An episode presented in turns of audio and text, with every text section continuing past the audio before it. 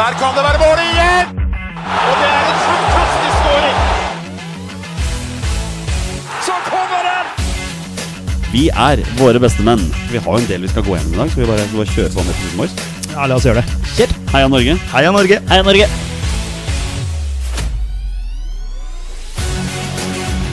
Takk, Ole Gunnar Solskjær!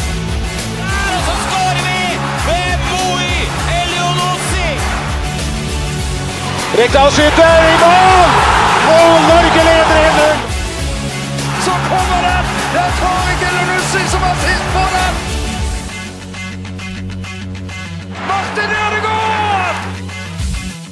Hjertelig velkommen til alle våre følgere og lyttere der ute til det som er tidenes aller første episode 272 av våre bestemenns podkast om norsk landslagsfotball. Mitt navn det er Jonny Normann Olsen. Og med meg her i studio er den som vanlig hverdagshelten fra Bogerud, Petter Hermansen. Hei, Olsen. Du har fått tilbake følelsen i kroppen etter 2 ganger 45 på inntil i går. ja. Jeg, har, eh, ja, jeg tror jeg akkurat har fått igjen følelsen i tæra. eh, Akkurat nå, faktisk. Og sesongen er ikke over. Nei, heldigvis. Jeg har sagt det en stund at jeg tror Vålerenga maks får kvalik, eh, og det var riktig. Ja? Eh, Det holdt akkurat. Så det er bare å sende noen eh, Vi får sende noen blomster til, eh, til Haugesund. Det er litt deiligere enn oss Skeid-sportere. Sesongen har vært over siden august. Så det er Ja, nei, det var en eh, ja, ekstremt spennende avslutning da, på sesongen. Ja. Eh, ja, vi fulgte egentlig mest med på resultatet i Haugesund-kampen. Det var liksom Den Lillestrøm-kampen hadde jeg egentlig bare lagt vekk. Det, hele Fotball-Norge skjønte at Sandefjord kom til å vinne den. Eh, så, så det var liksom Haugesund. Og da de plutselig skårte to mål på to minutter der, så var det sånn Ok, nå og så eh, har jo vi ledelsen også, så eh, ja, nei, det, det, det holdt. Og nå blir det to uh, tøffe kamper mot uh, KBK. Hva tenkte du når Jakob Napoleon Romsås dundra den nedi hjørnet der, da? Jeg sa til kompisen min uh, Peder, som jeg var på matchen med, at du kan sette noen kroner på at Napoleon Romsås skårer i den kampen her. Da han skårte, så, så tenkte jeg Skårer de én til nå, så summerer det egentlig opp sesongen til Vålerenga. Ja, ja, det hadde vært sånn, veldig sånn klassisk. Um, men de var vel ikke i nærheten av det, uh, så, så det holdt jo, holdt jo ut.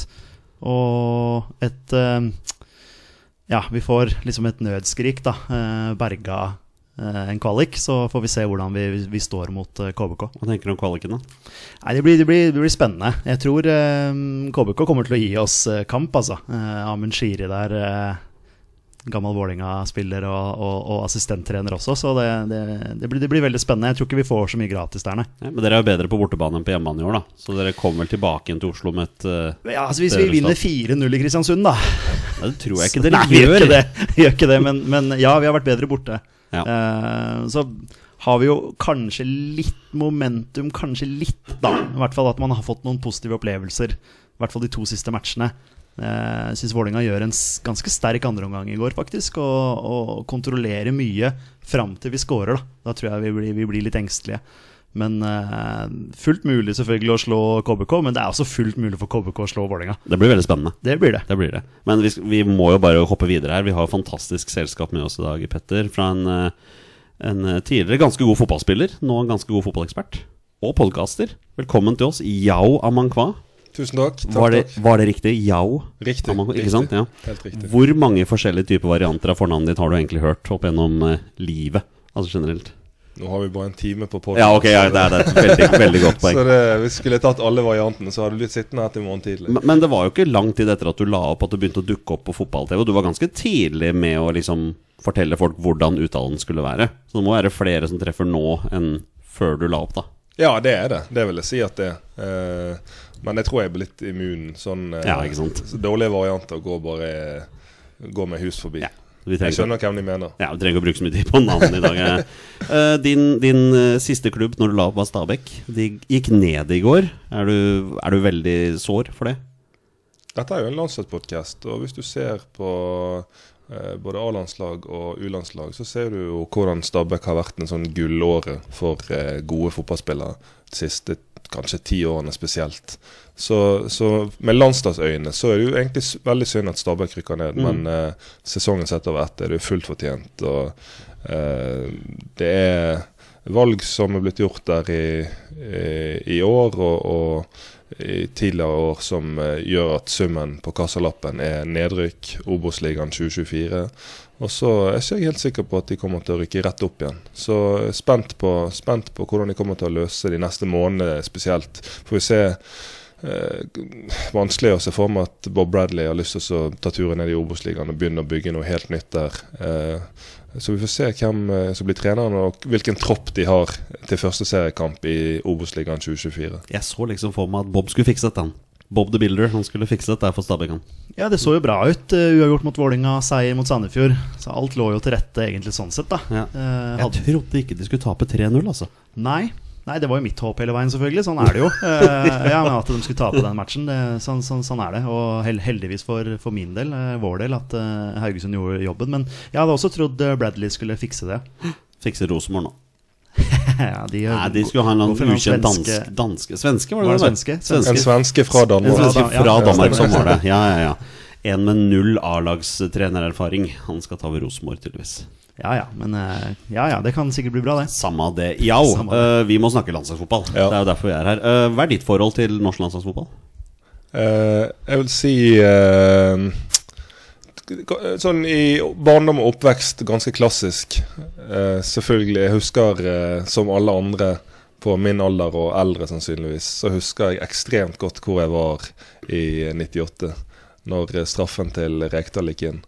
Da var jeg på hytten vår på Voss, og vi var der med hele slekten samlet. Og så var det det minste, eldste TV-en som går an å forestille seg. Sånn med antenne, fysisk antenne på TV-en, så du må liksom peile inn for hver gang du skrur den på for å få inn. Og så peiler du litt på den, så det, får du svart-hvitt. Og så må du liksom jobbe jobbe for å få farger. da. Hadde vi brukt en halvtime på å justere det godt inn før kampen, og så er det liksom sånn knapp der du kommer et klikk, så er TV-en på. Så må du skru på den for å skifte kanal og alt dette. Men så satt vi, husker vi satt litt stuet foran der. Kusiner og fettere, onkler og tanter. Og så husker jeg den ene onkelen min gikk helt eh, berserk, krakilsk, når den straffen gikk inn. Så eh, utover det, så etter hvert som jeg har spilt, så blir jo landslaget veldig nært. Fordi at eh, spillere som jeg har eh, spilt mot, og, og først og fremst med, som klarer å krige seg inn på A-landslaget til Norge. Og da blir det jo enda, enda mye gøyere å følge med og, og heie på de. Ikke sant. Um, hva, hva, hva tenker du om dagens landslag, da? Altså, har, har du trua? Blir det mesterskap på Norge? Um,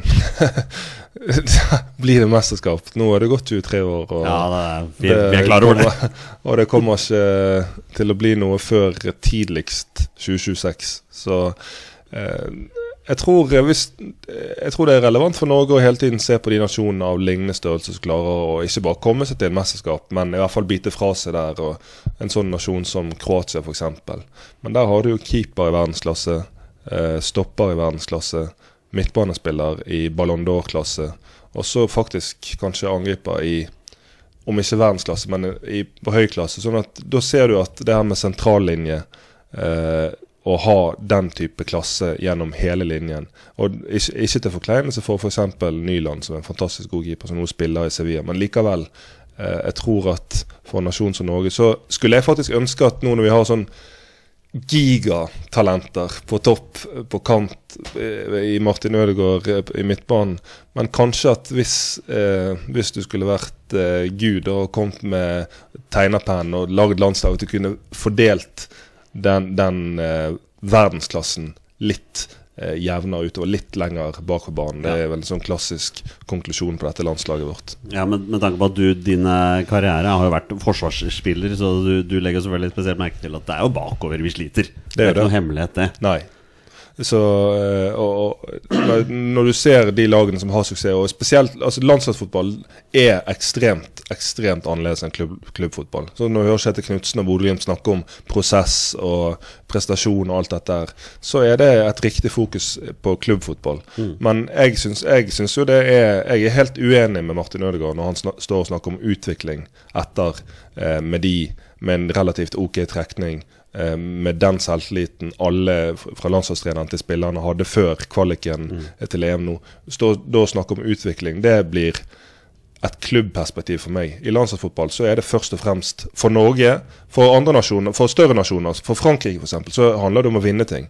Men det blir jo helt feil fokus, syns jeg, for Norge. Det blir jo forsiktig for høyt. Men for Norge så må det være å komme seg til mesterskap.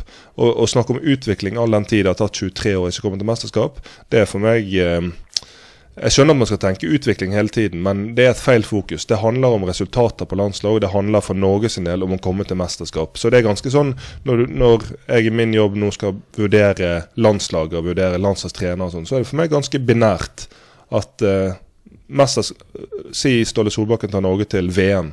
Så er jo han den beste landslagstreneren vi har hatt på Det blir jo VM da i 28 20, nei, 26. 26. Ja, uh, I 26. Da er han den beste landslagstreneren i mitt hode vi har hatt på 26 år. Han sier jo egentlig bare det jeg har sagt, snakket om i alle år, at landsla- A-landslaget skal ikke være utviklingsarena. Det skal være for de beste. Ja, det det er helt sant. Og, og Ståle Solbakken ble jo ansatt eh, for å ta oss til EM. Eh, og der har han jo feila. Hva tenker du der, eh, ja, om, om, om Altså, fortjener han egentlig flere muligheter? Han har jo feila både til VM-kvalik og feila i Nations League, og også feila nå i EM-kvaliken. Hva er poenget med å fortsette? Jeg, jeg tror at um, hvis vi skulle fått inn en ny landslagstrener nå For det første for det at én ting er å si opp den treneren du har.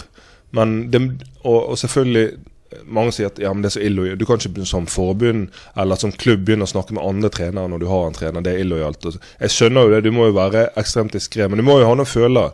Og hvis du Ståle Solbakken mener jeg fortsatt er eh, med de rammene som forbundet har, eh, de eh, Selvfølgelig hadde, hadde Guardiola eller noen av disse vært tilgjengelig, så hadde det vært farvel med Solbakken. Det hadde vært en enkel vurdering for Karl Petter Løken og Lise Klaveness.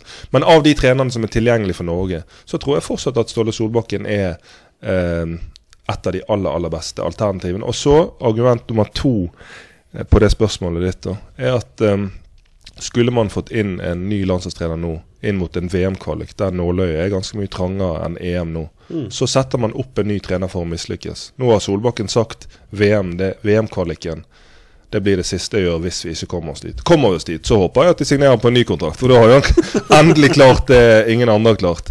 Eh, men, men, men eh, skulle vi fått inn en ny trener nå, et, med veldig stor sannsynlighet, hvis vi er realistiske, ville den nye treneren mislykkes med VM-kvalik. Fått den starten, og så da kanskje lidd under eh, allerede, hva skal du si, et dårlig momentum inn til EM-kvaliken eh, 20 2020 Nei, hva blir det? Nå går det helt i baller. VM 26. EM-kvaliken 2028. Ja, Og, den, og den EM-kvaliken 2028 Hvis vi er litt pessimistiske slash realistiske og sier at VM-kvaliken den blir for vanskelig i og med at nåløyet er trangere enn EM, ok, så kommer vi til EM 2028. Hvis vi er realistiske, så kan det være vår siste og vår eneste mulighet til å få se peak Martin Ødegaard og Erling Braut Haaland i et mesterskap. Så det sier litt om hva som står på spill. Dæven, du tenker langt fram i tid. Altså, det her er helt Ja, men det er jo, det er jo i to, eh, to Altså annethvert og hvert fjerde år.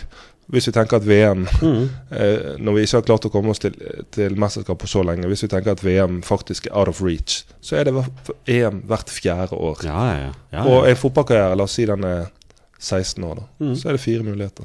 ja. Hvor lang var din karriere? Min karriere var vel rundt, rundt der. Rundt, rundt det, ja. ja, Ja. ikke sant? ja. Så det er vinn eller forsvinn for Ståle Solbakken av VM 26, eller kjør ut. Ja, og det har han jo sagt selv, som Yao også sier også. Eh, Men altså, Ståle Solbakken, da. Klubbtreneren Ståle Solbakken. Hva er det som gjør han, mener du, da, ja, til en god landslagstrener? Jeg tror det er eh, vanskelig også å si eh, Se på trenere, se på aktuelle kandidater for Norge og så si ja, han er en god klubbhåndtrener, men er han en god landslagstrener? Eneste måten å vite om han er en god landslagstrener for Norge, er jo når du først har sett hva resultater han får. Mm. Så det er nesten sånn umulig spørsmål å si. Det, hvis vi bruker England som eksempel, så i sin tid var jo sikkert Fabio Capello det ønsketreneren til engelske forbund. Ok, så får de han, men likevel så er det ikke Det er umulig å forutsi, syns jeg. Hva, jeg, tror, jeg tror faktisk at Norge, la oss si etter VM-kvaliken, hvis det ikke går Ståle Solbakken eh, er ferdig, da, så tror jeg faktisk Norge kunne ha funnet en vi aldri hadde hørt om. Og plutselig eh, fått eh, ting til å, eh, til å eh, altså, Poenget mitt er at jeg tror ikke alltid det er det åpenbare alternativ som nødvendigvis for det norske landslaget ville vært, ville vært det beste. Spennende diskusjon. Jeg, jeg liker dette her, altså. Ja, nå Bob Bradley er vel snart ledig.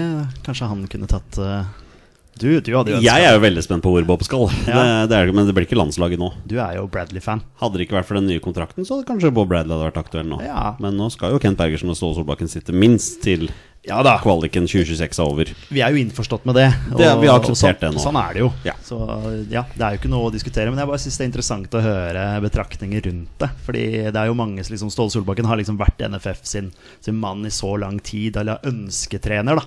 Mm. Men han har jo ikke noe erfaring som landslagssjef annet enn det som han har opparbeida seg nå.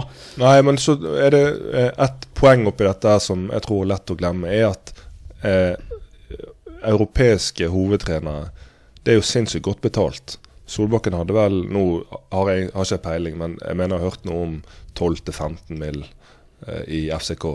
Eh, om han ikke hadde i hvert fall er jo det oppi de summene 20 mill. Har jo en, en OK, solid europeisk trener.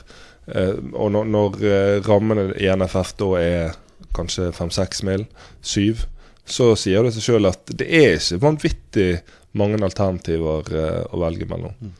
Nei, han, han har poeng der, altså. Ja, ja, for all del. Ja, du har jo, etter at du la opp, så har du jo på en måte lagt deg en karriere innenfor den mentale biten av fotballen. Ikke sant? Det er jo ingen hemmelighet for de som har fulgt med Fotball-Norge, hvor mye det fokuset der er. Og vi må jo trekke det inn på landslagsfotball nå som vi først har deg her. For er det en mental sperre som gjør at vi ikke kommer oss til mesterskap? Er det marginer? Altså, hvordan, hvordan vil du som med, med, dine, liksom, med dine mm, kvalifikasjoner innenfor det mentale, hvordan tenker du landslagsfotball og det å være mentalt? Altså, hvor mentalt sterk må man egentlig være for å, for å prestere på A-landslagsnivå? Jeg tror det er helt ekstremt. Ja, helt ekstremt. Jeg har aldri spilt på verken A-landslag eller noe landslag, men jeg, jeg kan se for meg at det er et så massivt press. Og Vi snakket litt om England i sted. De, alle som har spilt engelsklandslag, har vært åpne om Og dette er spillere som spiller Premier League, spiller Champions League-finaler, som spiller, har vunnet alt som er å vinne. Likevel så, ser de at, så innrømmer de at de omtrent holder på å drite i buksen når de skal ut på Wembley og spille for England.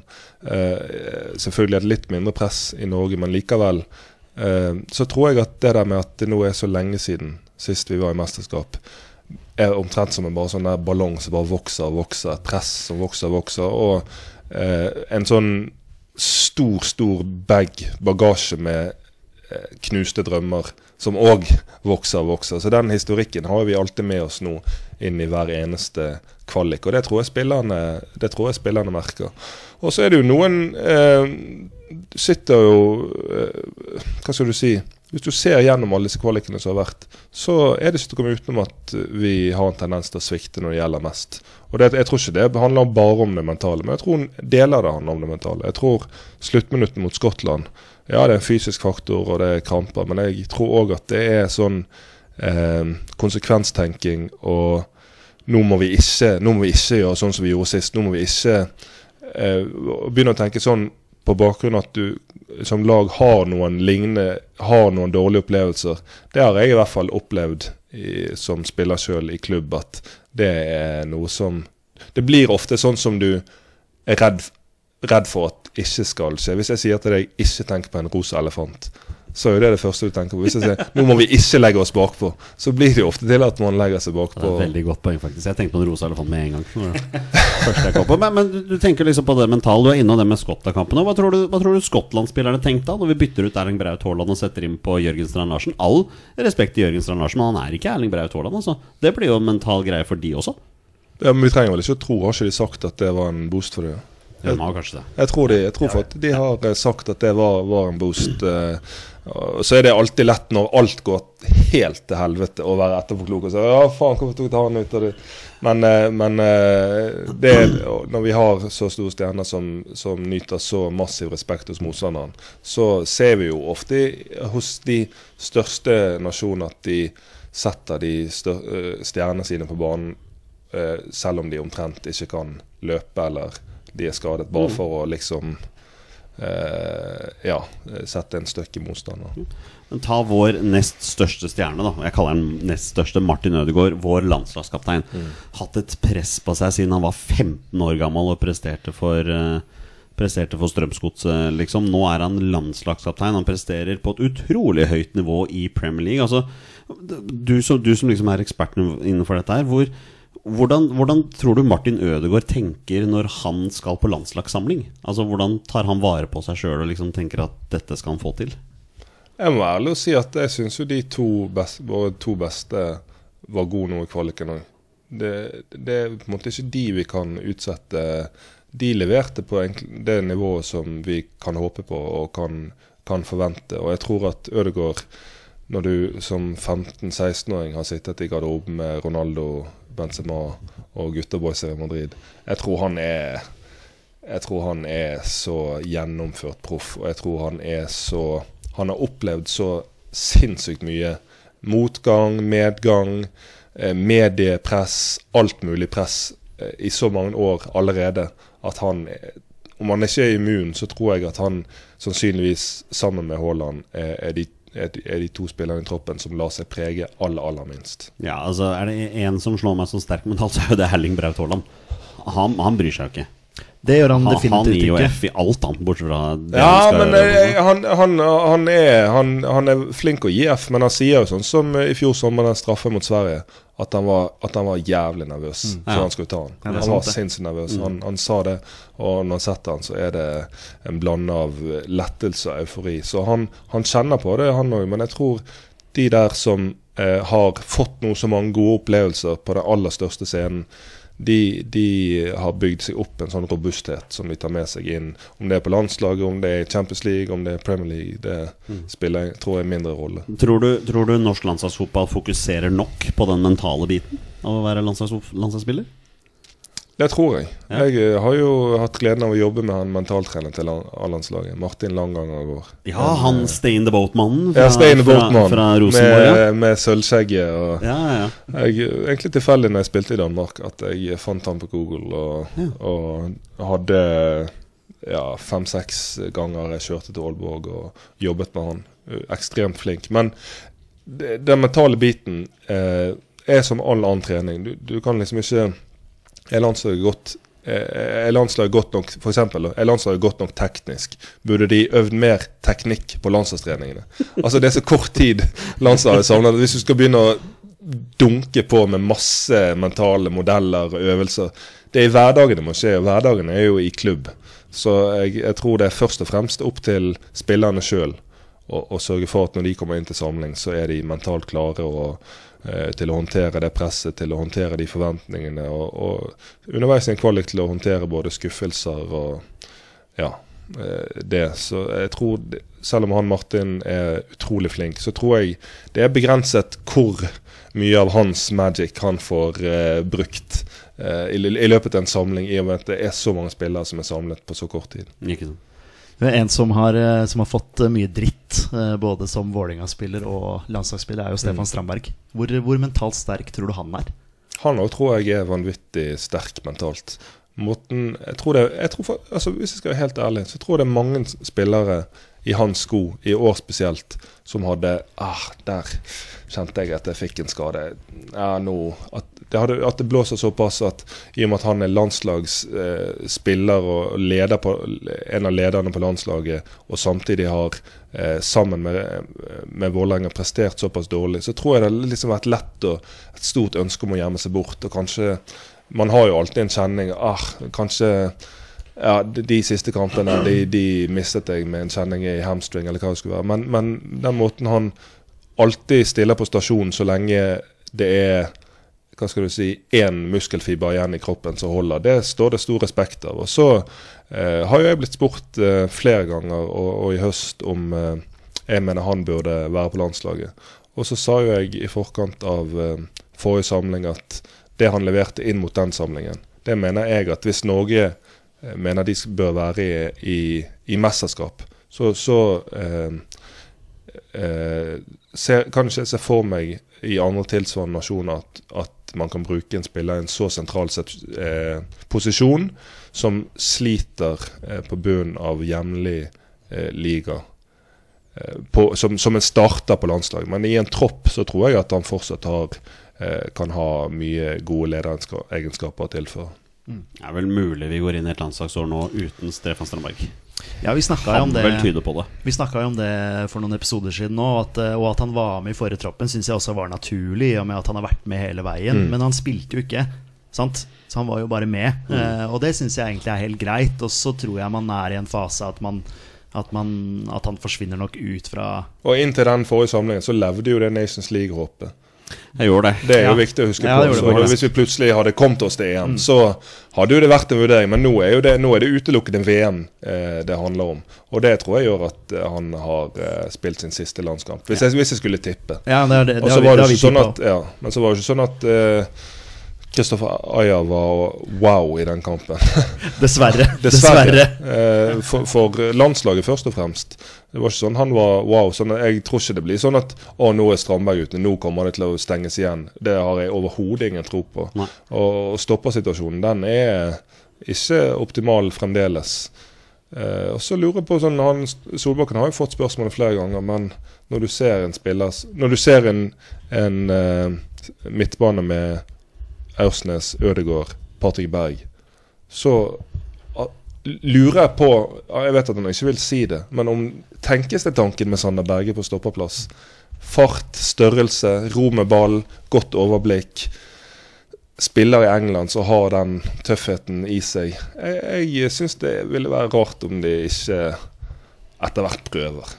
Ja, vi produserer jo en del spennende fra midtbane og framover. Det er jo bakover som er eh, det store akilleshælen. Det er jo der vi sliter. Og Berge ble vel spurt om det der òg. Han var jo ikke negativ til det, eh, sånn som jeg skjønte det. Nei. Han er jo god til å føre ball framover og får en veldig spillende stopper i så fall. Så eh, det er spennende. Ja, spillende stopper f.eks. ved siden av La oss si ved siden av Østegård. Mm. Jeg tror jeg kunne vært en, en, en solid duo. Jeg syns i hvert fall at det bør være noe som testes ut i en eller annen sammenheng. Vi er jo Hank Olsen da, som vi, som vi glemte i forrige episode og fikk litt tyn for på sosiale medier. Ja, men vi glemte han ikke, for du, du nevnte han. Jeg gjorde jo det, jeg var Ja, så vidt innom han. men, ja. eh, han er jo skadeplaga, da, dessverre. Ja, han er jo men eh, der får du mye punch, da. Og det får du jo også i Østigård. Er ikke de ganske like sånn sett, da? Jo, så- er det, sånn. Er det vel em, de anklene til Hanke som har plaget han lenge, som han måtte teipe opp til hver kamp, eh, selv når han var i Stabæk. Så jeg mener, jeg, jeg mener jeg tror at det er det han har operert nå, og, og så forhåpentligvis er det i hvert fall kvitt det til tilbakevendende problemet. Og så håper jeg at vi kan se Hanke spille fast over lang tid i Tyskland. Og, Du har jo spilt med Hanke. ja, jeg har spilt Ja. med Hanke. Vil du si han er mentalt sterk nok til å spille landslagsfotball? Ja, 100% Ja, men det er bra. 100% Det er godt Han er en av de mm, sånn sterkeste mentalt jeg noensinne Jeg har snakket om det før òg i andre podcaster. Men Hanke er sånn eh, akkurat som en sånn kamphund. Så du liksom står og holder han i, i eh, det der tauet, og så kan du bare slippe. Altså, jeg, jeg, jeg tipper hvis, hvis uh, Mainz hadde kommet seg inn i Champions League og skulle møtt uh, Real Madrid borte, så tipper jeg han har stått i tunnelen og, og smilt og gledet seg og tenkt nå skal jeg få meg ut og smadre Venicius Junior. Ja. ja, men Da har du holdningen i hvert fall til å spille landslagsfotball. Helt nydelig diskusjon dette her. Det, jeg merker jeg ble engasjert. Det er veldig, veldig, veldig fint å høre på. Vet du hva, Vi har fått så mange spørsmål, Ja. eh, så vi må bare hive oss uti. Jeg bare sier det med en gang. Dette er ikke bare landslagsrelatert. Altså. Nei, nei, kjør på, kjør på. her er det mye rart. Kjør på. Uh, Joakim Skare lurer på hvor mye rekker han å se aldersbestemte landskamper som TV-ekspert, eller oppdager han som regel spillere når de viser seg fram i Eliteserien? Eh, som regel når de viser seg fram i Eliteserien. Ja. Det handler rett og slett om at uh, døgnet har 24 timer, og, og det er For at det skal være kvalitet på det som På de tingene som jeg jobber med å dekke, så må jeg se veldig mye av det. Og da er det ikke alltid blitt tid til å se f.eks. Uh, aldersbestemte landskamper. Men så har jo jeg eh, et nettverk og har snakker jevnlig bl.a. med noen som er agenter, som gjør at jeg har ganske god oversikt over hvem som er veldig spennende nedover i, i alderstrinn. òg. Er, er det noen unge eliteserieforsvarsspillere du her og nå kommer på som du tenker her har vi framtidige landslagsspillere? Altså.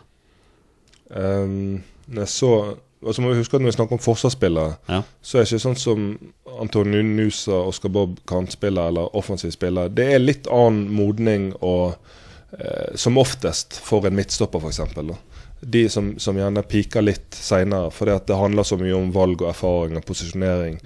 Eh, så, men eh, jeg så jo noen treningskamper med, med Vålerenga i vinter og tenkte at eh, Hammer Kjeldsen Når jeg fikk vite hvor gammel han var, tenkte jeg bare herregud, hvordan, hvordan kan dette her ikke gå? Og han er fortsatt så ung at han har fått en del muligheter. Syns han har tatt helt OK vare på de. Så det er en, en veldig, veldig spennende midtstopper eh, som jeg eh, som jeg eh, har troen på kan, kan gjøre det stort. Ja. Nå, nå rykker jo Ålesund ned, men din eh, player to watch fra to år siden, Nikolai Hoppland Ja. Han var 19 år. Han, vært, han har vært et lyspunkt for et veldig svakt Ålesund i år. Jeg tror ikke han blir med de ned, altså. Det har vært, bra for Norge også, på U-nivå. På U-nivå, ja. Ja, Eh, så, så han eh, blir nok ikke i Obos-ligaen med Ålesund, nei. Han, eh, han, om ikke han drar til Eliteserien, så, så får vi se han høyere enn Obos, vil jeg tro, hvert fall. Det er jo noe av det mest frustrerende når lag rykker ned. Det er jo sånn hvem, hvem stikker. Ja, ja, men sånn er det blir jo. Ja, ja. Sånn er det. Ja. Sånn- jo sånn dette er jeg vant til. Noen- noen- Hele laget forsvinner. Ja, så, sånn er det hver gang vi rykker ned, for det skjer jo en gang iblant, skjønner du. Så det er alltid, alltid noen som, som stikker. Uh, vår tidligere makker Torstein Bjørgo med tre spørsmål. Beste spiller han har spilt med og mot? Oh. Uh, beste spiller jeg har spilt med Da må jeg Det er vanskelig å bare si at uh, Umiddelbart så tenker jeg på Fra jeg spilte i Brann, så tenker jeg på Erik Huseklepp og eh, Rudolf Austin. Rudy Austin. Også I og med at de er så forskjellige typer spillere, så er det vanskelig å si en av dem. Men Austin var jo sånn naturkraft, formidabel, eh, komplett midtbanespiller. Ja. Og så Huset på sitt beste når han var i den flyten 2009-2010. Eh, meg og han trente jo en del eh, i ferie og sånn eh, aleine. Og jeg som forsvarsspiller, han som angrepsspiller, én mot én. Og én mot én har jeg alltid eh, hatt bra selvtillit på, men han hadde en timing og liksom en evne til å gli forbi. Som selvfølgelig var jævla frustrerende, men eh, som var helt enorm. Også en sånn lekenhet i spillet sitt. En, en veldig sånn eh, En litt eh, rar eh, spiller, eller sånn en sånn spillerprofil som jeg egentlig aldri har sett før eller siden. Så ja, han var ekstremt, ekstremt god. Dette er en landslagspodkast. Han fikk jo en veldig, veldig fin eh, A-landslagskarriere. Blomstret under Drillo sin, eh, sitt eh, comeback. Så det de kom på umiddelbart fra, fra tidlig i karrieren. Og så er det Antonio Nusa som eh, Ja. kom på trening i Stabæk. Han hadde, han hadde høstferie fra ungdomsskolen. 15 år. Ja. Og bare ødela folk fullstendig. Ydmyket og ødela Vi hadde sånn øvelse med én mot én. Husker eh, Nå skal jeg faktisk hive Mats Solheim under bussen. Oi, oi, oi, kjør på! Kjør på. Som bare han ble, han, Det tok vel et halvt år eller et år til han pensjonerte seg permanent. Men pensjonstilværelsen Jeg tror han begynte å tenke på pensjonstilværelsen første gang han møtte Antonio på trening. Det, Eh, og det var det flere som gjorde. Han var, han var brutal. Det må være sjukt, tenker jeg, når, når, du, når du er profesjonell fotballspiller sånn som du var, og så kommer det en liten guttepjokke på 14-15 år og bare kjører over dere, liksom. Totalt. Og det, det er du, Dere ser jo det sjøl, dere sitter og ser på Ja, ja, ja. Det, det som han har i spillet sitt, er at det ser så uanstrengt ut. Ja. Det, altså, når han glir forbi spillere, det er ikke det at det er så vanvittige finter eller Det er nesten så det Det ser ut som et eller annet har, galt har skjedd med de som forsvarer, at de plutselig har fått noe sirup i skoene, eller mm. Men han bare har en timing akkurat når han forserer. Og så har han en balanse, og så en- selvfølgelig en eksplosivitet akkurat i de situasjonene. Den kombinasjonen gjør at folk bare ser ut som saltstøtter. Og, og han var jo òg eh, sånn som kunne ha fantastisk gode treninger og kamper. Og så virket han helt sånn uaffisert. Du bare merket på han, personligheten òg, at her er det en som er på vei til mye, mye større ting enn det Kult. vi holder på med her. Mentalt sterk, altså. Veldig mentalt sterk. Bes Ja. vel, bes veldig beskjeden fyr. Veldig rolig. Men tok aldri Han skårte jo noen helt sinnssyke mål i Eliteserien før Han rakk det før han ble solgt til Belgia. Men eh, nei, han er en spesiell, spesiell fyr. Er nydelig. Hva Det, med det får meg, Unnskyld at jeg avbryter deg, Jonny, men det får meg jo til å tenke på altså Jonny og jeg vi har jo bodd sammen i Bergen. Eh, Du og, skal dra fram den, ja? og da vi trente, trente utenfor Brann stadion, og Bård Finne ble med på treninga vår Da Han var, han var 14 da år. var han 14 eller 15 år. sånn, eller ja, ja. Og Han, herregud, han, og han Kas, han og Kasper Skånes Ja. De lekte med oss. Altså, de herja sånn med oss, og da kom det to sånne smågutter som bare Kan vi bli med, liksom? Ja, ja, ok. Og så fant vi ut i ettertid hvem det var, da. Ikke Ja. sant? Jeg, jeg drepte jo nesten Bård Finne den Ja, det gjorde du ene faktisk. kvelden der. Jeg takla den skikkelig stygt. Det var, jeg trodde jeg ble barnemorder i det, i det øyeblikket der. Det var ordentlig flaut. Så sorry Ja, nei, men det, var, eh, det fikk meg til å tenke på det der Ja. den, den gang da. den gang da. Men eh, beste motspiller? Uh, beste motspiller eh, Det må jo være sånn. Eh, Faktisk eh, er det jo når man er på treningsleir får ofte gjerne møte de beste mm. motspillerne du har spilt mot. For da blir du satt opp. Plutselig husker vi når jeg spilte i Hobro i Danmark, så skulle vi på treningsleir. Og så tror jeg det er en slags sånn kabal. Eh, For det er noen store klubber som har med seg 400 spillere på treningsleir. Så det er sånn kabal der de møter eh, Hobro en dag, så møter de et lag fra Kina neste dagen, og så møter de eh, Sheriff Tiraspol tredje dagen. Og så for, sånn at de får gitt matching til hele troppen. Ja. I hvert fall så møtte vi eh, eh, Dynamo Kiev, var det vel? Dynamo Kiev. Og så han Mudryk, oh. som spiller Chelsea. ja. Jeg med, var det Kiev? Det Jo, jo, jeg tror det stemmer. Kiev, det ja. stemmer. Eh, dette var vel i 2018. Det, du finner, søker du på Søker du Hobro eh, Dynamo Kiev, så kommer det opp sannsynligvis eh, et eller annet. Nei, men nå, no, no. Sjaktar, Shakhtar Shakhtar, selvfølgelig. Så, så, det- vi møtte eh, Dynamo Kiev året før. Da var han eh, eh, Palusjenko. Ja. Roman Palusjenko. Ja. Nei, det kan det ikke være. Han er jo 100 år. Nei, ikke Palusjenko. Nå står det helt stille. Uansett. Ja, En av disse her største stjernene. Og så møtte vi Sjakter året etter. Og da, da spilte han Modric. Og da var jo han veldig ung. Samme sveisen. Eh, Mitchell bleket. Ja, Og så tenkte jeg helvete, han er god. Hvor gammel er han? Nei, han var vel eh, bare ung, ung tenåring. Ja. Så det, men det var sånn wow-faktor.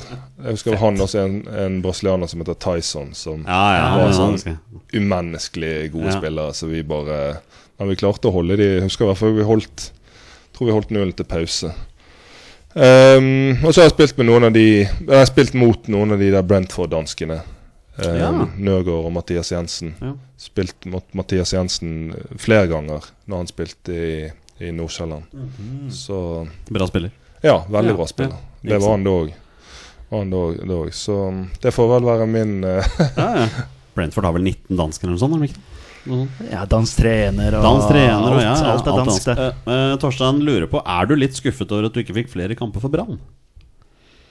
Mm, ja, men jeg, jeg tror Altså, jeg, jeg uh, var ikke klar uh, Var ikke klar verken kvalitetsmessig eller fysisk til å til å egentlig skulle, skulle få flere muligheter i Brann, mener jeg sjøl.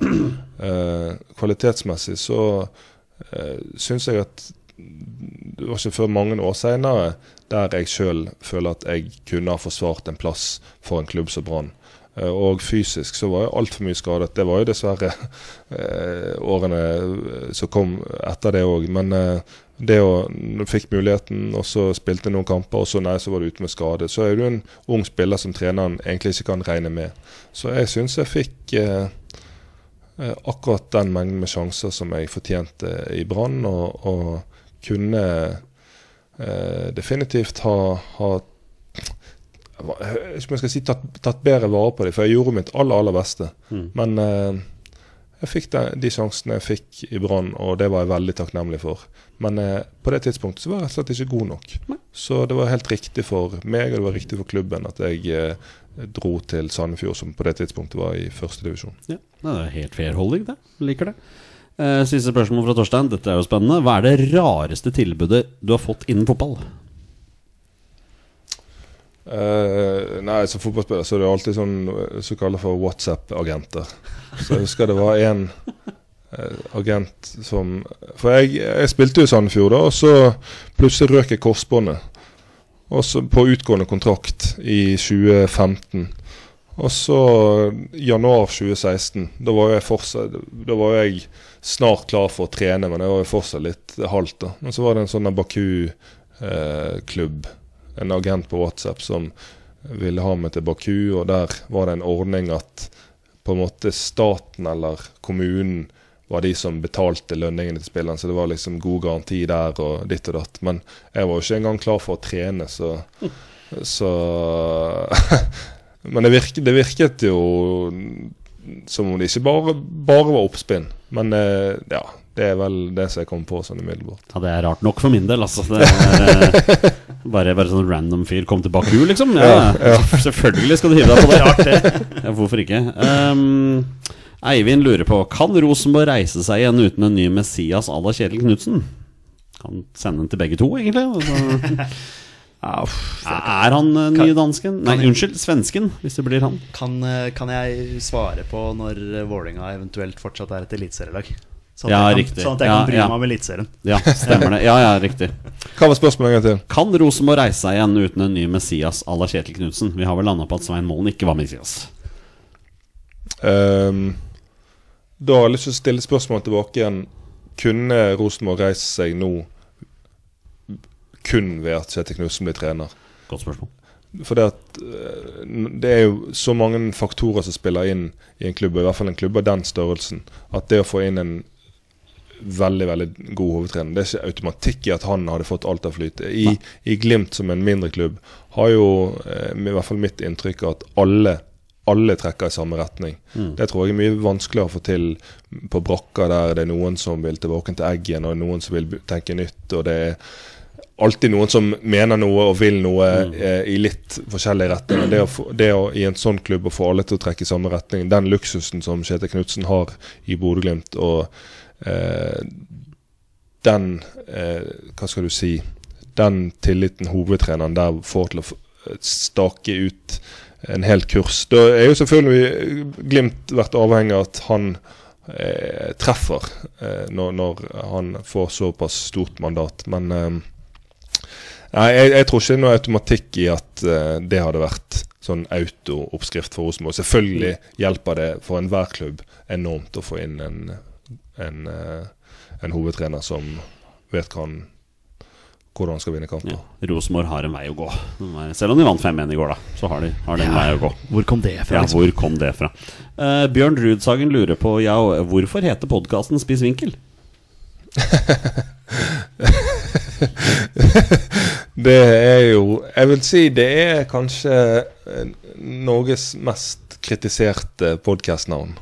Eh, det fall, fra, Bortsett fra den 69. mannen, kanskje? Ja, kanskje, kanskje. Men det er i hvert fall eh, var mange reaksjoner når det navnet ble offentlig. Men eh, hvorfor han heter Nei, jeg tror Det var jo en sånn eh, decision by committee. Så det var jo en sånn eh, du må, for, for å betrygge de som hører på hva spissvinkel, er jo at det var veldig mange ekstremt mye dårligere varianter som var i diskusjonen før vi landet på spissvinkel. Men spissvinkel, det tror jeg handlet om at vi har lyst til å være litt sånn eh, spisse vinkler. Ja. Sånn I en nyhetssak eller i en aktualitetssak så er det sånn Hva er vinkelen?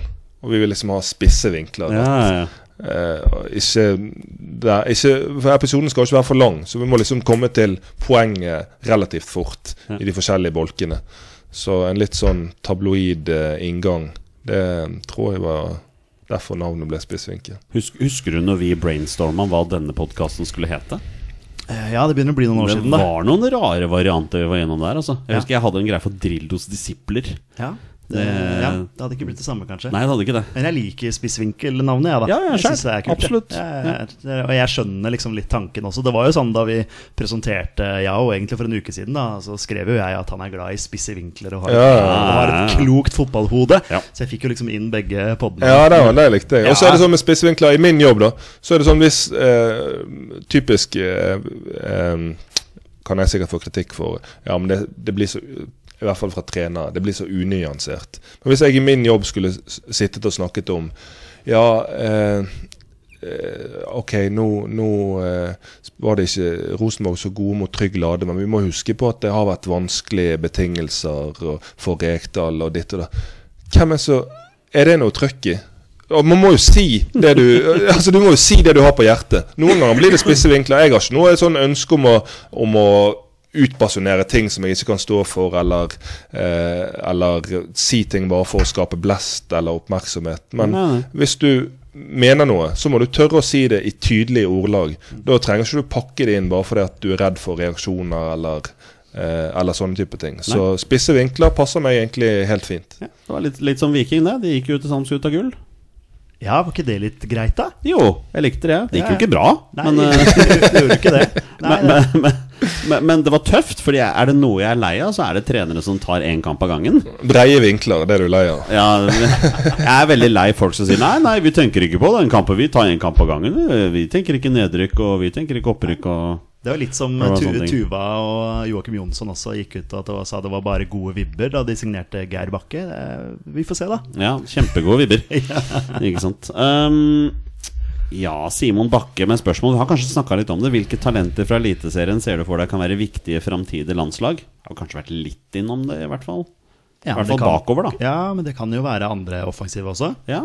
Ja. Men, vi, men vi, er jo, vi er jo mest opptatt egentlig av keeperplass og midtstopperplass. Det er jo der vi trenger folk. ja. Eh, jeg har blitt imponert over både Tangvik og Sjøeng. Uh, tenk deg for sånn som Sjøeng.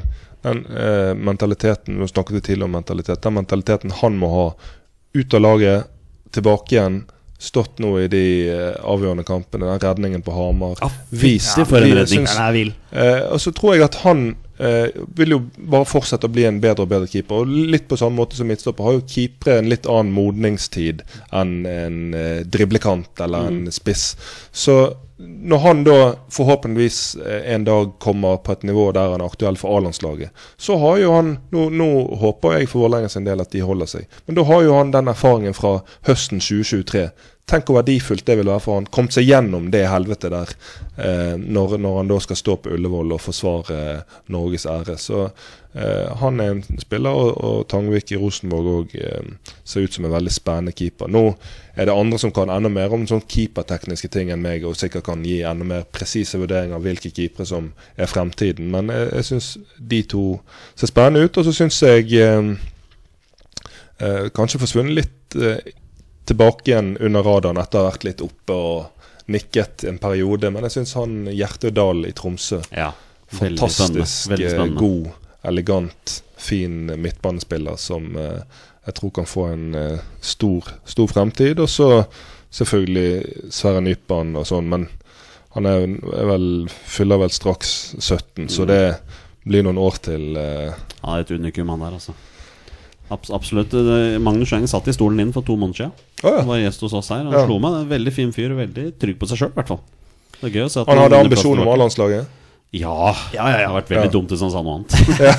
Han skulle spille for Dortmund. Ja, ja det sa han jo. Ja, ja, ja. Det var liksom drømmen hans. Spille for Dortmund. Jeg vil si det. Det er litt press å spille for Dortmund.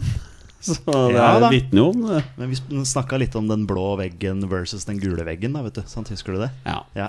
All respekt til østblokka, men de er ikke den gule veggen, altså. Nei, de er ikke det. Ikke, ikke, ikke ennå. Uh, per Radulovic, det er et kult navn.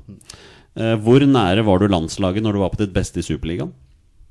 Veldig, veldig veldig langt unna. Ja, ok, ok Å, jeg håpa du skulle si motsatt. Nei, nei, nei. Veldig, veldig langt unna. ble litt skuffa når du sa det. faktisk Jeg på året. Ja, vi, vi spilte en kamp eh, mot eh, FCK. Det må ha vært eh, sommeren 2018. Da var jo Ståle trener i, i FCK. Eh, og da var jeg jævlig dårlig. Så eh, Nå ble jo ikke han landslagstrener før en stund etterpå det, da. Men eh, jeg tror nok i hvert fall at jeg aldri ville vært på, på hans radar basert på den prestasjonen. Men du spilte jo Hobro det året hvor Pål Alexander Kirkevold plutselig fant ut at han skulle være Europas beste spiss. Ja, ja. Om, omtrent. Det må ha vært et absurd å være på lag med han på den tida der. På en, måte, på en måte, ja. Men jeg hadde jo spilt med han i Sandefjord Eller spilt mot han når han var i Mjøndalen. Ja. Og tenkt bare Han er oksene. Rask, sterk, sinnssykt skudd. Han må jo prøve å hente. Eh, det hadde jo de fått eh, skjønt i Sandefjord òg, så de klarte faktisk å hente han dit. Ja. Var jo han helt enorm når vi rykket opp eh, i 2014.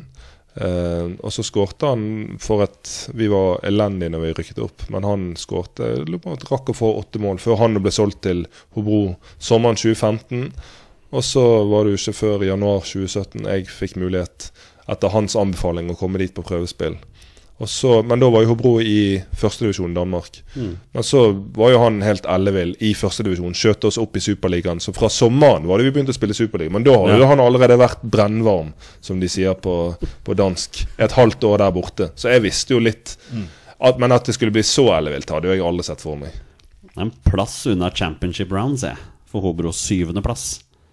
Det året dere var tre, tre poeng unna å spille sånn derre Ja, det var en drømmesesong. Opprykksplay... Nei, Ja. eh, championship playoff. De er så glad i playoff borti Danmark. Ja, ja. Ja, Komme i, to- komme i topp seks er jo liksom det som er det store Det er det. Ja, ja, eh, i ja. Superligaen. Var det ikke Danmark det var et eller annet lag som jubla når de tapte? Fordi de slapp å spille championship playoff eller noe sånt. og Et eller annet sånt greier. Jeg lurer på om det var i Danmark, altså. Samma det, det er ikke det vi snakker om nå, Jonny. Vi går videre. Andreas Veivåg. Kult spørsmål. Hvem var det beste talentet du spilte med i Brann? Åh, beste talent jeg spilte med i Brann. Um, jeg husker jo Bård, eh, som var liksom sånn ekstremt klinisk avslutter. Men eh, han var Jeg tror at han i tillegg til å utvikle seg som spiller òg har utviklet seg veldig som type.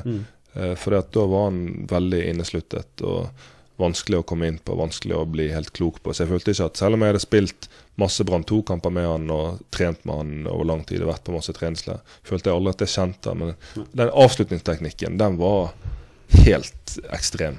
Så, så var, du så han ikke så mye i Følte jeg han holdt en ganske anonym profil i treningshverdagen, men fire mot fire, hvis han fikk ballen i avslutningsposisjon, så satt han bare klink hver gang. Men eh, beste talent uh, utover det eh, Var det noen som var sånn wow på den tiden? Nei, det, det jeg prøver å huske på ja. Bård Finne skilte seg vel- ut veldig fort, da. Ja, hvilket år er det vi snakker Uh, Nei, altså vi snakker skal- den uh, med, med Barmen, Bård Finne, Jonas Grønner, de gutta der. Mm. Men uh, de var jo liksom fine spillere. Men jeg syns liksom aldri at det var noe sånn Det var ikke sånn som en USA, kan jeg si. da Nei, det, det er noen sånne un unikumer. Det var Fredrik Haugen, var han i den tiden der, eller? eh? Ja, han kom jo i, i uh, 2011. Vi hadde én sesong før jeg dro, Ja, okay. i 2011 sammen. Han Han var jo veldig Løv, Løv, Løvham, ja. ja. Ikke sant? Ja. Ja, han, var- han var jo veldig god. og- Han var jo sånn som alle i Bergen snakka om. husker Ja da, han, han var veldig god når han kom til Brann og, og leverte godt. Men ut ifra spørsmålet så tenker jeg liksom sånn Nusa-dimensjoner, der du bare tenker shit, hvor dette må Det var ingen av i Brann på den tida der. Nei, nei. Nei. Da sier vi Erik Husklepp, og så går vi videre. Eh, vi har to spørsmål igjen. Norgefødt vil at du skal rangere disse spillerne med tanke på hvem som har størst talent. Skjelderup, Nypan, Bob og Nusa. Um, Spennende spørsmål. um, jeg vil jo helt uh, st Altså, st størst talent Nå er det jo litt forskjell i alder på dem, men ut ifra hva de har vist, så syns jeg det er likevel naturlig å sette Nypan nederst. Ja, Ja. helt fair, det. det, de andre er, er allerede på et europeisk nivå. Mm. Så det er egentlig bare Og Nypan er jo eh, litt yngre òg. Og så eh, var jeg veldig veldig imponert over Oscar Bob. Måten han slo tilbake inn etter en tøff opplevelse mot Spania, nå sist samling. Mm. Ekstremt god. Så jeg tror jeg, jeg tror, Men samtidig, Kjellerup har jeg fulgt litt med i Danmark før han dro til Benfica. Ja, nå er han tilbake i Danmark. Ja, Ja. Eh, Der har vært litt opp og ned, men nå var jo han veldig veldig god for uh, Nordsjælland i eh, De hadde en kalasseier i Europa, jeg husker ikke akkurat mot hvem. Men likevel så er det vel en grunn til at Bob er den som er inne på A-landslaget. De, de gjør, gjør jo enorme vurderinger på det. Så jeg, jeg tror jeg ville gått Nypan, Kjellrup, Bob, også Nusa. ja. Det, det For Nusa, for meg, hvis han holder seg skadefri Jeg håper den ryggskaden han sliter med, slipper.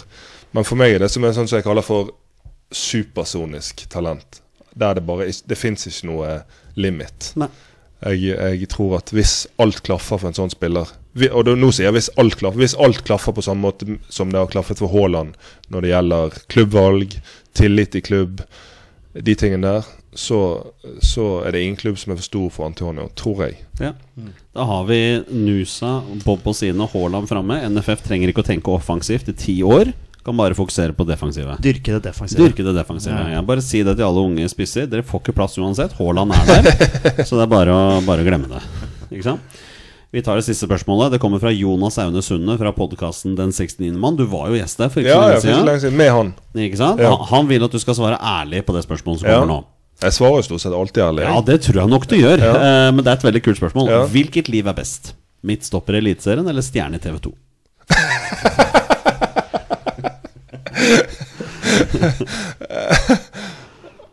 Og skal jeg si en faktor der? Ja, ja. ja. Alder. Alder, ja. Alder. Som 35 år, år Er jeg 35? Ja. Det veit du bedre enn meg. Altså, 88-modell står det. ja 35 Ja, år. det er 35, ja. Ja. Som 35-åring som nå eh, med god, god margin har bikket 100 kilo, så hadde det vært et mareritt å være fotballspiller lenger. For det at formen den forsvinner så fort hvis du ikke holder deg i, i knallhard trening. Og så merket jeg på slutten av karrieren òg at eh, de der Nå skal jeg hive ut en brannfakkel. Jeg tror ikke folk klarer å forestille seg de beste norske lagene fra 2000, Si Brann Brann, eh, 2007, som vant serien, eller Rosenborg, gullagene til Rosenborg, når det skulle være. Jeg tror ikke de klarer å forestille seg hvor latterliggjort de hadde blitt mot La oss si mot Glimt, da. Ja, ikke sant? Så det poenget mitt er det tempoet som fotballen utvikler seg. Jeg merket det på tampen av karrieren. bare, faen, Det er en del trening og det er en del ting treneren vil at jeg skal gjøre, som jeg ikke har sjanse til rent fysisk. Ja. Så, så jeg merker liksom hvor fort ting går framover. Tempoet, eh, kravene til det fysiske. Så, så hadde jeg vært, hadde eh, vært eh, tenåring eller 20, definitivt valgt fotballspiller. Ja. For den gleden av å kunne teste seg hver eneste helg og, være helt utmattet etterpå. Og for Det som jeg liker med fotball, er at det er kontant avregning. Eh, det er ikke noe sånn der eh, som hvis du jobber i åpent kontorlandskap der du må gå rundt og lure på gjorde det bra, gjorde det dårlig. Det er liksom kontant avregning hver helg. Ok, du gjorde det dårlig denne søndagen, men du får en ny mulighet i morgen på trening og neste søndag til å gjøre det bedre. Ja. Så den her ærligheten i yrkeslivet som du får som fotballspiller, den elsket jeg. Eh, Men, men nå som fotballekspert så får du muligheten til å bare fordype deg i det spillet som du elsker, og eh, eh, reise rundt og se kamper.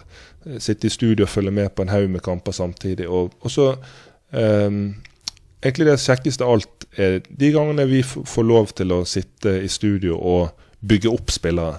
Se den skåringen, se den dragningen, se måten han tar ned ballen. Se nå hvordan et lag har knukket noen koder som gjør at de spiller fantastisk. Det er mye gøyere å hylle enn enn å slakte, selv om jeg er ikke noe redd for å slakte hvis det er min vurdering av ting jeg ser det.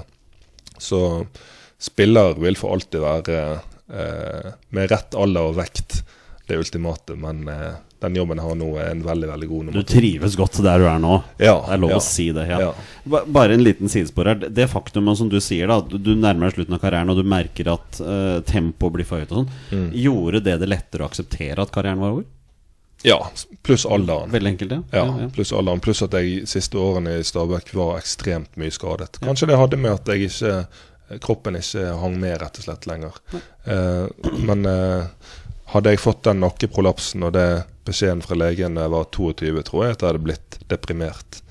Men, men når jeg hadde den alderen jeg hadde, så var det liksom eh, helt greit. Og så var det jo ganske tilfeldig at jeg begynte å jobbe med TV. Mm. Så jeg satt jo i møte med han som er fotballsjefen i TV 2. og ikke at han måtte overtale meg, men han måtte forklare meg hva rolle de så for seg for meg. For jeg hadde ikke tenkt at dette nødvendigvis var noe som jeg skulle jobbe med. Nei. Ser jo for meg at TV 2 har egne talentspeidere kun for folk de merker er på vei ut av karrieren, liksom. Si, er, passer du til TV? Ja. Slå på eh, tråden, møtes. og så var det litt sånn Jeg hadde jo vært i fotballekstrastudio noen ganger. Hatt det veldig kjekt med, med Jesper og Marius. Og, men det var litt tilfeldig. for Jeg drev og studerte idrettspsykologi på NIH og så forsket på kroppsspråk. Så hadde meg og han Geir Jorde som eh, har forsket, på, har forsket mye på Chelsea. da og så er det noe med at når du forsker på kroppsspråk, så er du nødt til å følge med på spilleren hele tiden. Mens på TV-bilder, som vi sitter hjemme i sofaen og ser, så er du plutselig zoomet inn på en reprise, på treneren, på tribunen, hva enn det skulle være. Så Da går du glipp av masse kroppsspråk. da. Så vi trengte en videokilde der du så. Og så Dette var på det tidspunktet der Premier League hadde rett, nei, TV 2 hadde rett inn til Premier League. Så sendte jeg melding til noen i TV 2 og spurte om vi kunne få tilgang til det som heter tactical view. Eh, og det fikk vi uh, på en betingelse om at jeg skulle legge fram det vi hadde funnet i en sending. Og så la jeg det fram i en Champions League-sending, Chelsea-Porto. Og så syns de, tror jeg, at det jeg la fram der, måten jeg la det fram på, var såpass spennende at de hadde lyst til å se mer av meg. Og se på deg nå, nå frøs du nesten ræva ræva deg på Marienlyst. Ikke sant? Altså, the sky is the limit nå, altså. Ikke sant?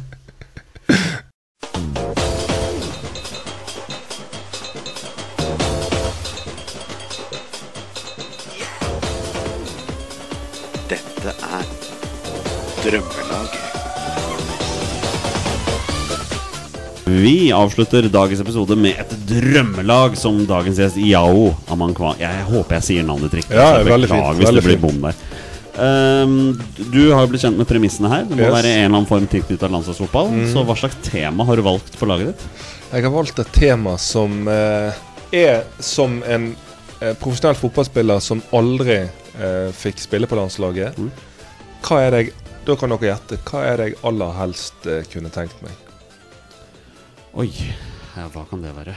Um, har du noen forslag, Peder? Nei, no, nei, ikke sånn akkurat nå. Det burde vi kanskje kommet på spontant her. Ja, det, samme, burde- det samme som en 16 år gammel gutt. Å debutere. Men for, uh, for landslaget, da. Så når jeg har satt sammen et lag av spillere som har én landskamp De fikk debuten, og uh, inntil videre ingenting mer. Deilig. Og så et forbehold om at uh, ingen, av lands, av, ingen av disse spillerne så vidt meg bekjent var på nødlandslaget, for det blir jo litt sånn Ja, det er juks. Ja, Det det er juks. Vi kan ikke ha det det. nei. nei.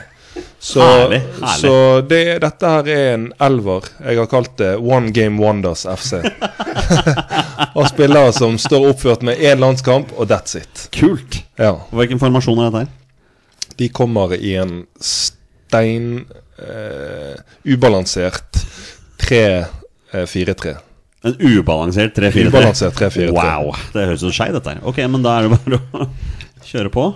Um, ja, det- kjedeligste er faktisk keeper, for der var jeg litt sånn i tvil. Men der gikk jeg for um, Pga. at han kommer fra min hjerteklubb fra Fana, Mathias Dyngeland, som uh, fikk sin debut sist. Ja. En kamp. Så, men han, til skilnad fra resten av laget, så står jo han bare Så står jo han med én kamp, og så i parentes inntil videre. For han kommer til å få flere, håper jeg. Mm. Ja, og tror jeg. Ja, ok, ja. Uh, Så han har stjerna på laget, altså. ja, ja han, Han, er, han er den eneste på dette laget det er landslagshåp for, kan du si. Det er veldig nydelig å se hvordan Dyngeland har slått tilbake. Altså med tanke på at han var, var vel hos, var hos dere en liten tur, var han ikke det? Jo, han var innom Vålinga en periode der. Ikke sant? Ja, Og det gikk jo ikke kjempebra i Sverige og sånn også. Nei, men så liksom kom han tilbake til, eller til Bergen. Kom hjem igjen, da. ja. ja. Kom Ja, hjem. ikke sant, ja. Og da har det gått ganske greit, ja. Ja, det vil jeg si. Vært god i år. Ja. Um, skal det sies at jeg var i Drammen i går og så Jeg skal ikke bli for farlig til en kamp, men William Myhra i år har vært brutalt god. Altså. ja, Nå absolutt. var jo han inne i troppen, men uh, jeg tror akkurat her og nå så er det Jeg ikke det stor forskjell på de to keeperne. Kanskje til og med Myhra ja, så, så, Men uansett, da. Jeg Myhre, håper han får Myhre har ikke landskamp, så han er ikke tellende for det laget her. Nei. Um, en annen spiller som var, eh, fikk et innhopp i hvert fall eh, i går når jeg var på Marienlyst, Thomas Krøgaard. Han har én landskamp, ja. Han har en landskamp. Ja, ja, ja. Der ser du. Han skulle også være så god. Forente Emirater 2014. 0-0. 0-0 hjemme.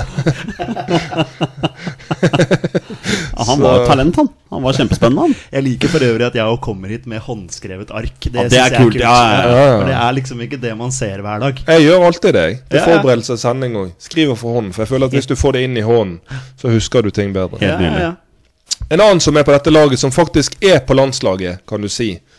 Dere ser han hver eneste samling. Og han står med én landskamp. Oi, forsvarsspiller. Ja, altså Er det en spiller, eller er det ene støtteapparatet vi snakker om her? Nei, det kan være han Gregers Nei. Ja, han har mer enn Han har en, flere, Han har mer enn én, ja. Hmm. Nei, hvem er dette her, ja?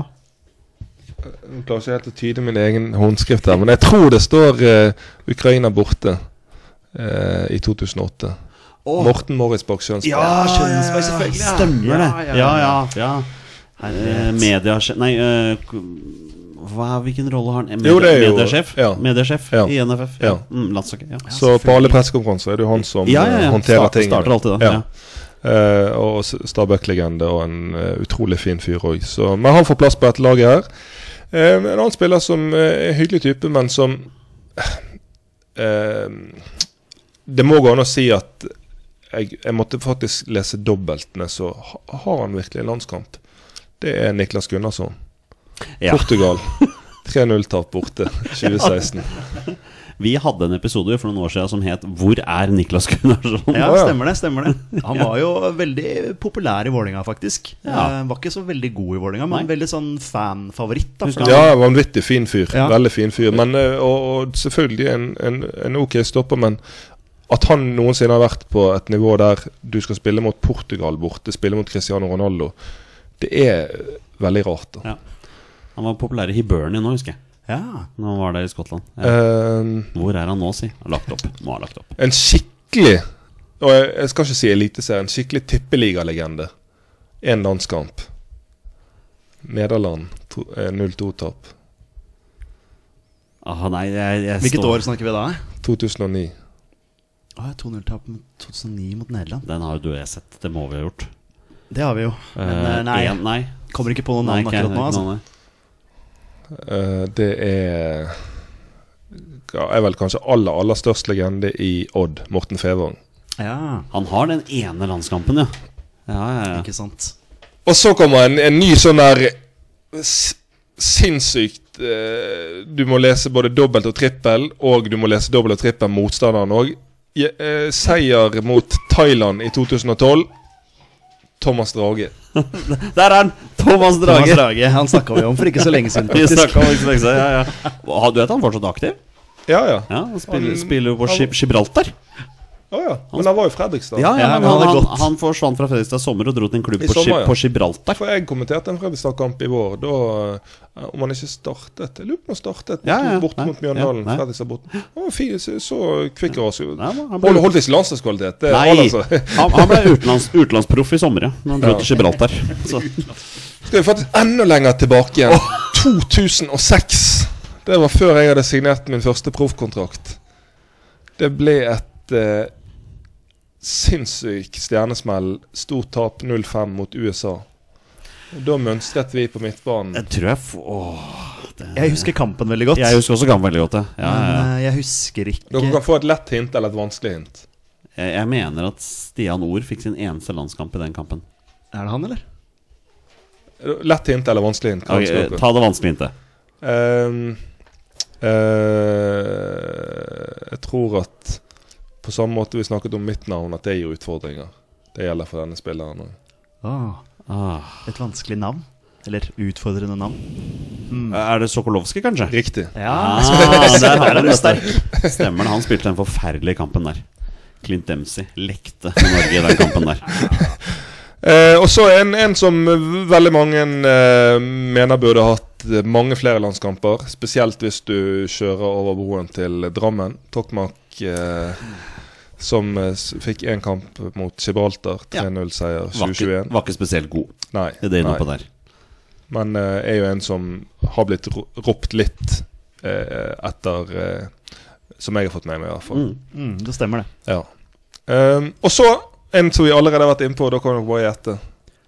Er du på topp nå, eller? Ja, Kirkevold. selvfølgelig. Ja, Makedonia borte 2017. Da, og det som er litt morsomt når, Paul, når han dro til den samlingen fra Hobro Det var jo stort for Hobro. Altså det, Hobro er en liten klubb. Det å ha en landslagsspiller, norsk landslagsspiller var jo egentlig helt sinnssykt.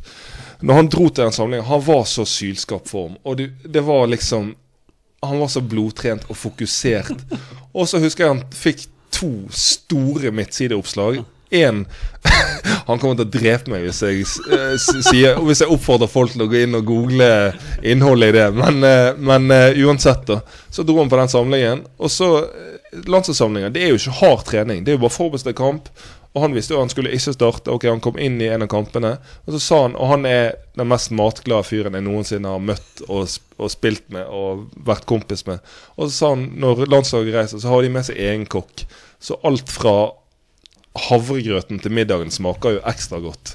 Så han kom jo tilbake en 3-4-5 kilo tyngre fra samling enn han dro Bare, spi, bare på, spiste. på samling. Fikk faktisk en formknekk etter den samlingen. Så det er ikke alltid en fordel å bli tatt ut på Nei, A-landslaget. tydeligvis ikke. I Nei. hvert fall ikke som matglad. En, um, to to uh, spillerne igjen her. Det er to spillere som hadde en, en uh, trist dag i går. Blåmandag i dag. Eh, Nicolay Næss, kanskje? Nei, nei, nei, vi er, Du vi er, fram du er i fronten der. med fronten, ja. Altså de, Er det Mors, kanskje? Bakenga, Yes, ja, ja. Bakenga Bakenga. har én landskamp for Norge. Ja, Polen i 2014. Polen borte. Wow. Borte i 2014. Ja, Oi. ja, ja. Yes. Og så en til, sa du? Ja, og så er det en til som sannsynligvis ligger ditt hjerte veldig nært. En av dine favorittspillere i Eliteserien. Kanskje enda større grad etter det han gjorde i går, når han bare klinker ned eh, Sandefjord-spiller og lager straffe. Thomas Lene Olsen. Tenkte Vålerenga nå. Ja. Gjorde sitt aller, aller, aller Ja, ja, ja. beste for å sende Vålerenga ned. Altså, den, den situasjonen der. Ja, Den altså, situasjonen når jeg så den på fotballdeksa, så tenkte jeg nå kommer konspirasjonsteoriene fremme her nå. Bare, oi, Når jeg så den, så tenkte jeg her er det en som har lyst til å bli LSK-legende. ja, oi, jeg tråkka visst på en Dunsby der. Men, men eh, hadde han ikke også en ganske feit mulighet som han brant? Jo, var Jo, jo. utenfor ti minutter Nei, det var jo synd, Ja, da. og, og duligheten, det var synd. den gikk rett over den der ja, nei, Det var jo ergerlig, da. Altså, hva har Vålerenga-spurt uavgjort? Nei, det var jo Det var jo synd, da. Så, men det at det lite poenget Det at Lillestrøm taper mot Sandefjord der, og ja, litt den straffen og sånn, det gjør jo at koket inn mot de derbykampene neste år. Nå øh, håper vi for din del at Vålerenga overlever. Men Våle- Vålerenga-supporteren kommer ikke til å glemme det at, eh, det at Lillestrøm ga de null hjelp. Så. Men uansett, det var One Game Wonders. Wow, ja, Det er en liten applaus fra meg for, Klasselag. altså, for et fantastisk lag. Og det føler jeg er en sånn perfekt avslutning på denne episoden her. Vi hadde litt sparsomme tid i dag. Det ble ikke noen 20 spørsmål i dag, men vi kommer sterkere tilbake neste gang. Yao Amankwa, dette har vært en fornøyelse. Veldig kjekt. veldig Tusen kjekt. takk. Du, dette er vel din andre podkast i dag? Det er Det riktig. ikke det? Er Ikke sant? Ja da. Det er riktig. Så du kjører dobbel duty i, i dag, og du har tatt turen hit til oss, og vi får litt over en time av din tid, og det setter vi enormt stor pris på. Veldig kjekt å Det er jo ikke skjul på, vi har jo prøvd å få til dette her en stund. Ja, så jeg Og jeg har jo eh, hatt et ønske om å være med, men uh, midt i, altså, i sesongen så er det et sånn ellevilt kok at eh, det, er nesten, det er nesten skummelt hvor fort tiden går. Ja. Jeg føler at det var bare to uker siden vi sto eh, i tredje serierunde og, og sånn. Så, men nå var det veldig kjekt å endelig kunne få bidra. Jeg slider inn i DM-en din i desember 2024, så ser vi om vi får til en, eh, en Kanskje det kan bli sånn jule førjulstradisjon. Ja, ja, ja. Ah, det har vært hyggelig. Petter, har du hatt det bra? ja, selvfølgelig. Fantastisk. Da sier vi tusen takk til alle dere, dere som hører på. Dere er fantastiske lyttere. Vi er våre beste menn. Heia Norge. Heia Norge! Heia Norge. Og hei!